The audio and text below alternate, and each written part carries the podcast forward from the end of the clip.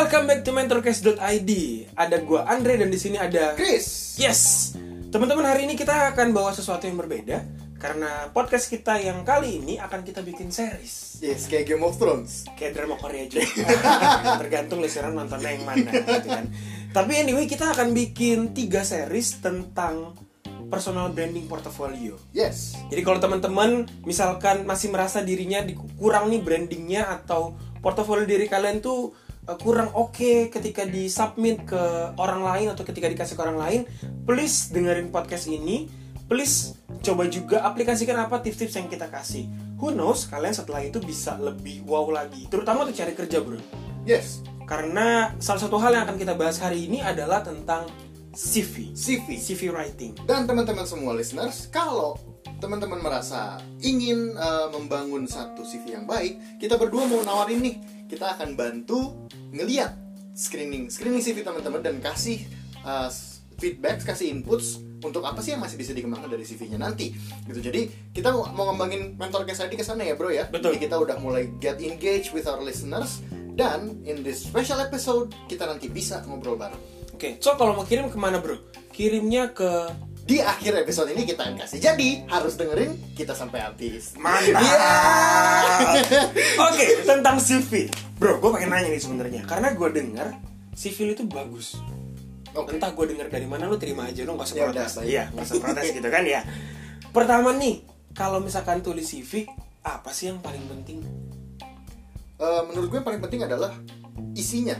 Ya pastilah ya. Iya, betul. Cuma yang paling penting adalah gimana sih lu mencerminkan semua yang pengalaman yang lu udah punya, apa skills dan uh, capabilities yang lu miliki itu tertuang betul-betul gitu di dalam Toh, CV. Oke, kalau misalkan gue punya pengalaman banyak, gue Mm-mm. tuangin semuanya aja ke sana. Nah itu, jadi yang namanya CV itu kan kita apply apply ke satu company.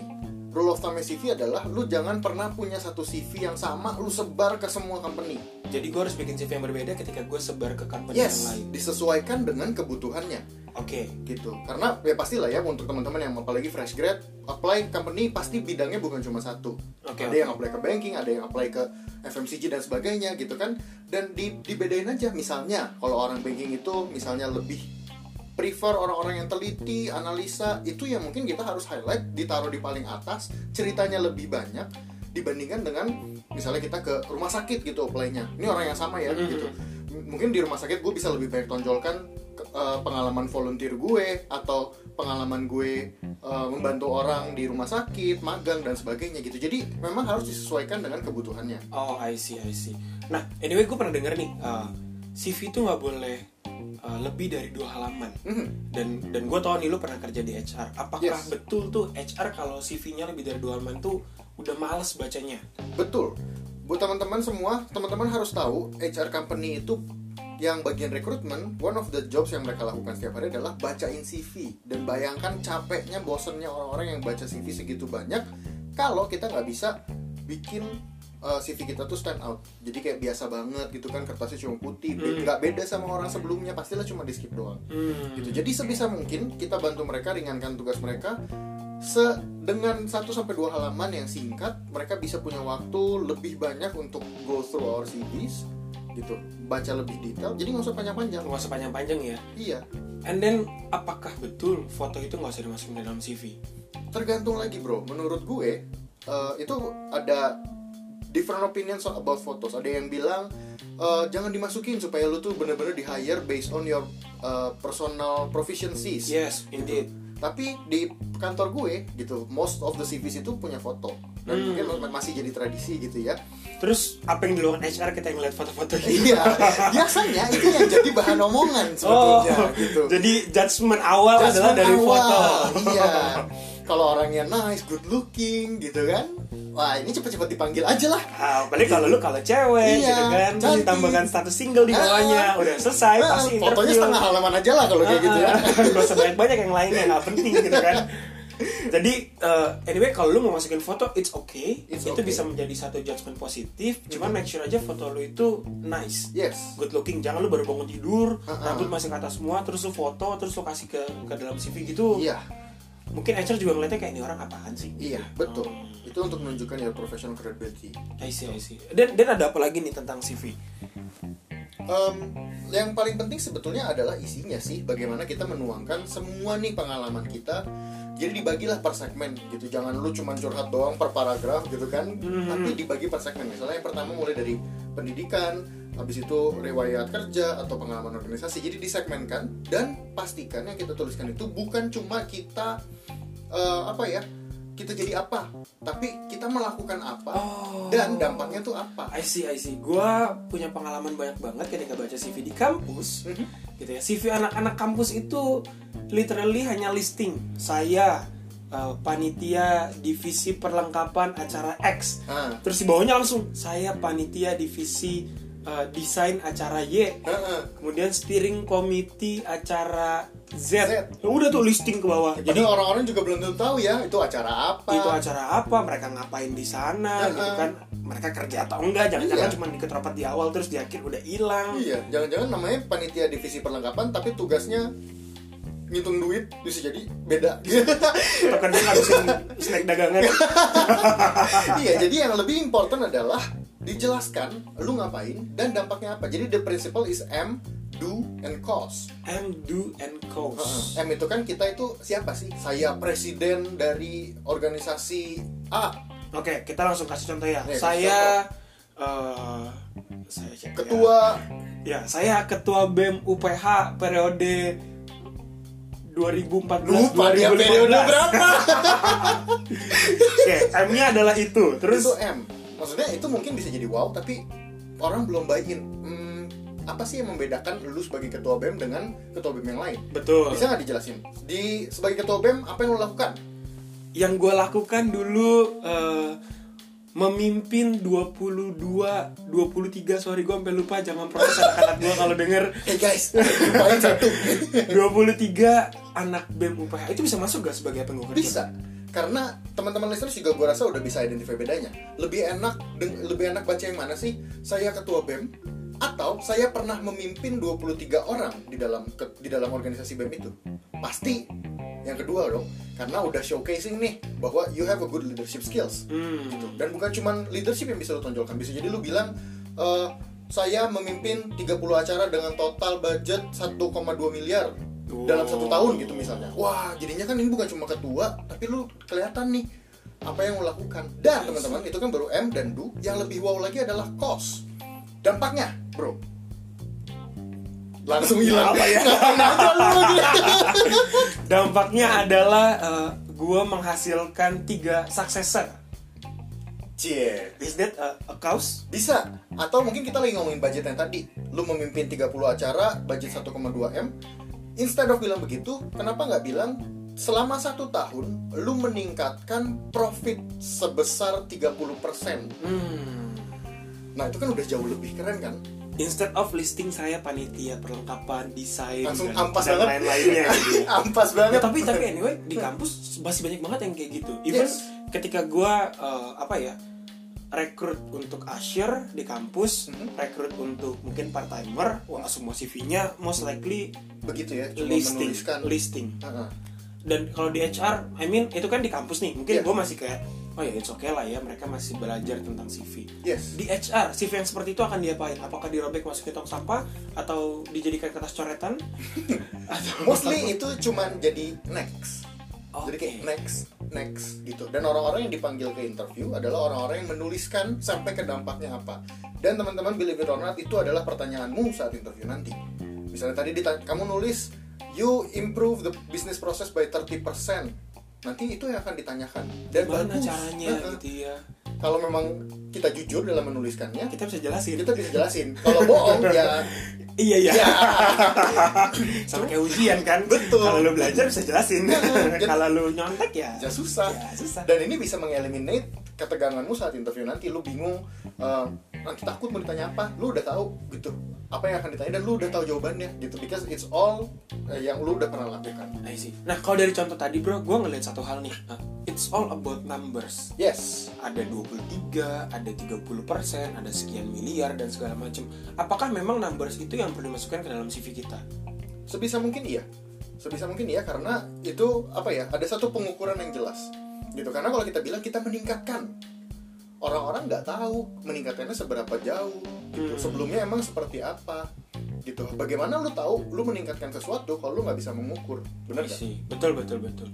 Dan karena memang tadi balik lagi ke yang awal uh, make it brief agar orang-orang yang baca juga um, uh, langsung dapat apa sih yang mau lo jelasin tentang Betul. diri lu kepada HR itu mungkin nggak nggak harus selalu bilang kayak gini ya uh, tahun lalu ada 20 peserta tahun ini ditingkatkan menjadi 20 peserta itu kan panjang kan ya Iya, betul. kita mungkin bisa pakai percentage Mhm. atau bisa pakai uh, berapa kali peningkatannya Betul. gitu kan Uh, kita bisa pilih lah ya angka mana yang kelihatan lebih wow betul betul kalau misalkan di percentage itu lebih gede ya pakai percentage saja iya tapi kalau misalkan kecil ya kenapa nggak berapa kalinya gitu Yes, betul. Diakalin caranya. Gimana lagi-lagi kan ini menjual kan. Gimana Hmm. kita promote marketing diri sendiri. Oke, nah gue pernah punya satu contoh nih, mungkin ini sangat uh, bisa teman-teman mengerti.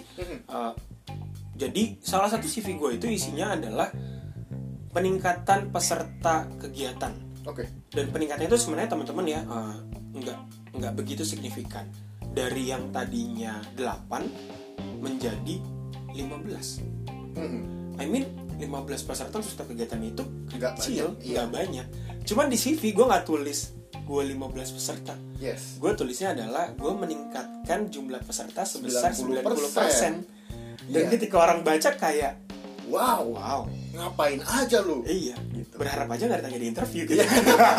Makanya you have to be very smart with your numbers Iya, gitu kan. iya, iya, I see, I see. Dan ini maksudnya sekarang anak-anak zaman sekarang tuh kalau disuruh desain jago banget gitu. Gue bisa melihat bedanya CV millennials dan CV yang udah rada uh, senior. Mhm. enak banget gitu baca CV millennials karena dihias di apa ya didesain dengan baik itu yang bikin apa teman-teman HR tuh bisa betah lah untuk baca Hmm. yang bikin mereka ngeluh setelah mereka baca ternyata ya isinya gini doang gitu jadi teman-teman jangan sampai teman-teman tuh ternyata dicap cuma orang yang bisa desain atau atau bahkan bayar atau pakai aplikasi Ya, tapi sebenarnya nggak nothing gitu karena nggak ada bobotnya, nggak ada Ah, isinya. Kulitnya bagus tapi dalamnya kurang. Betul. Dan, Dan- dari desain tersebut kalau lu punya angka, lu bisa highlight angkanya. Jadi misalnya kayak tadi 90%, lu gedein aja fontnya 90%. Ya, langsung 100 fontnya gitu ya. Heeh, gua gila gila banget.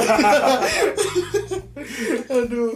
Gitu. Jadi sekilas kelihatan nih ada apa nih 90%. Oh, dia meningkatkan sesuatu gitu kan. I see, I see. Nah tentang desain, uh, I don't know uh, ini oh, benar atau enggak gitu ya. Cuman gue pernah baca dari beberapa sumber, it's very good kalau misalkan kalian bisa uh, relate-kan dengan branding company yang kalian pengen tuju. Betul. Jadi misalkan ya, kalau misalkan di UPH Heeh. gitu, lu pakai yang desainnya warna biru karena UPH itu biru. Heeh.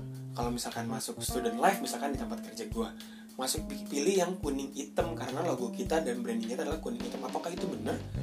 Hmm, I guess itu subjektif lagi sih, tergantung si recruiternya juga. Tapi pasti jadi nilai plus kalau memang uh, kita tuh tahu, maksudnya kita menunjukkan kalau kita sudah do some research about the company. Kayak tadi, ini kenapa bisa kuning hitam banget? Dia tahu nih kayaknya kalau company kita tuh logonya seperti itu. Hmm. Gitu atau bahkan di dalam uh, your personal portfolio dit- dituliskan gitu, mirip-mirip dengan uh, visi perusahaannya yang never settle.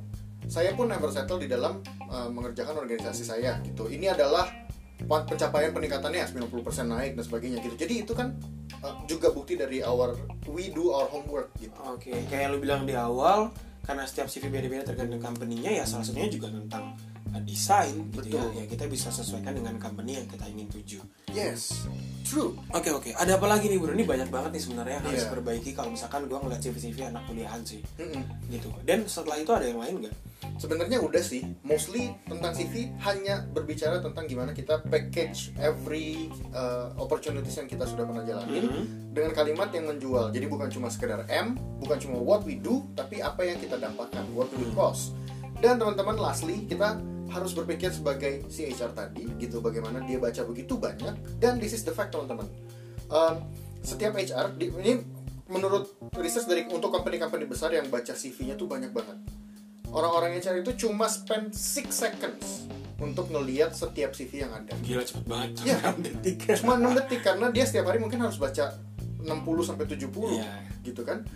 6 detik itu dalam 6 detik bagaimana uh, udah dapat informasi yang penting atau belum. Jadi kita juga harus bantu mereka. Ya, kenapa I kita nggak highlight aja dari awal? See, Sebelum kita kirim, kita hitung aja diri sendiri gitu. 6 detik nih scroll dari atas ke bawah. Apa aja yang gue dapat gitu.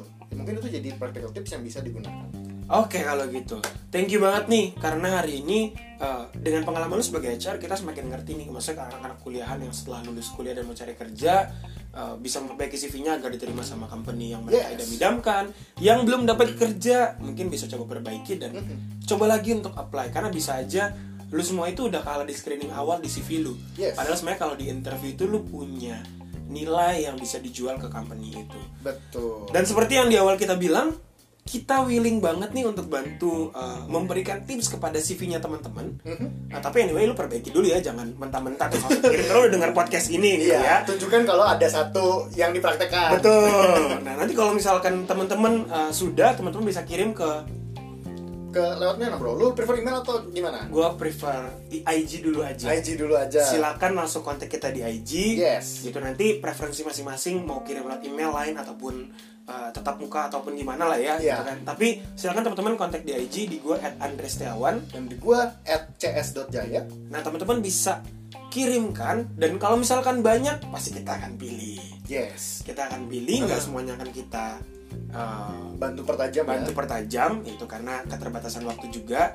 Tapi please ini kesempatan kalian untuk bisa memperbaiki CV kalian. Yes. So, I think itu aja untuk series pertama ini. Sampai jumpa di series kedua teman-teman. Kita akan lanjutkan pembahasan kita tentang portfolio. See ya. See ya.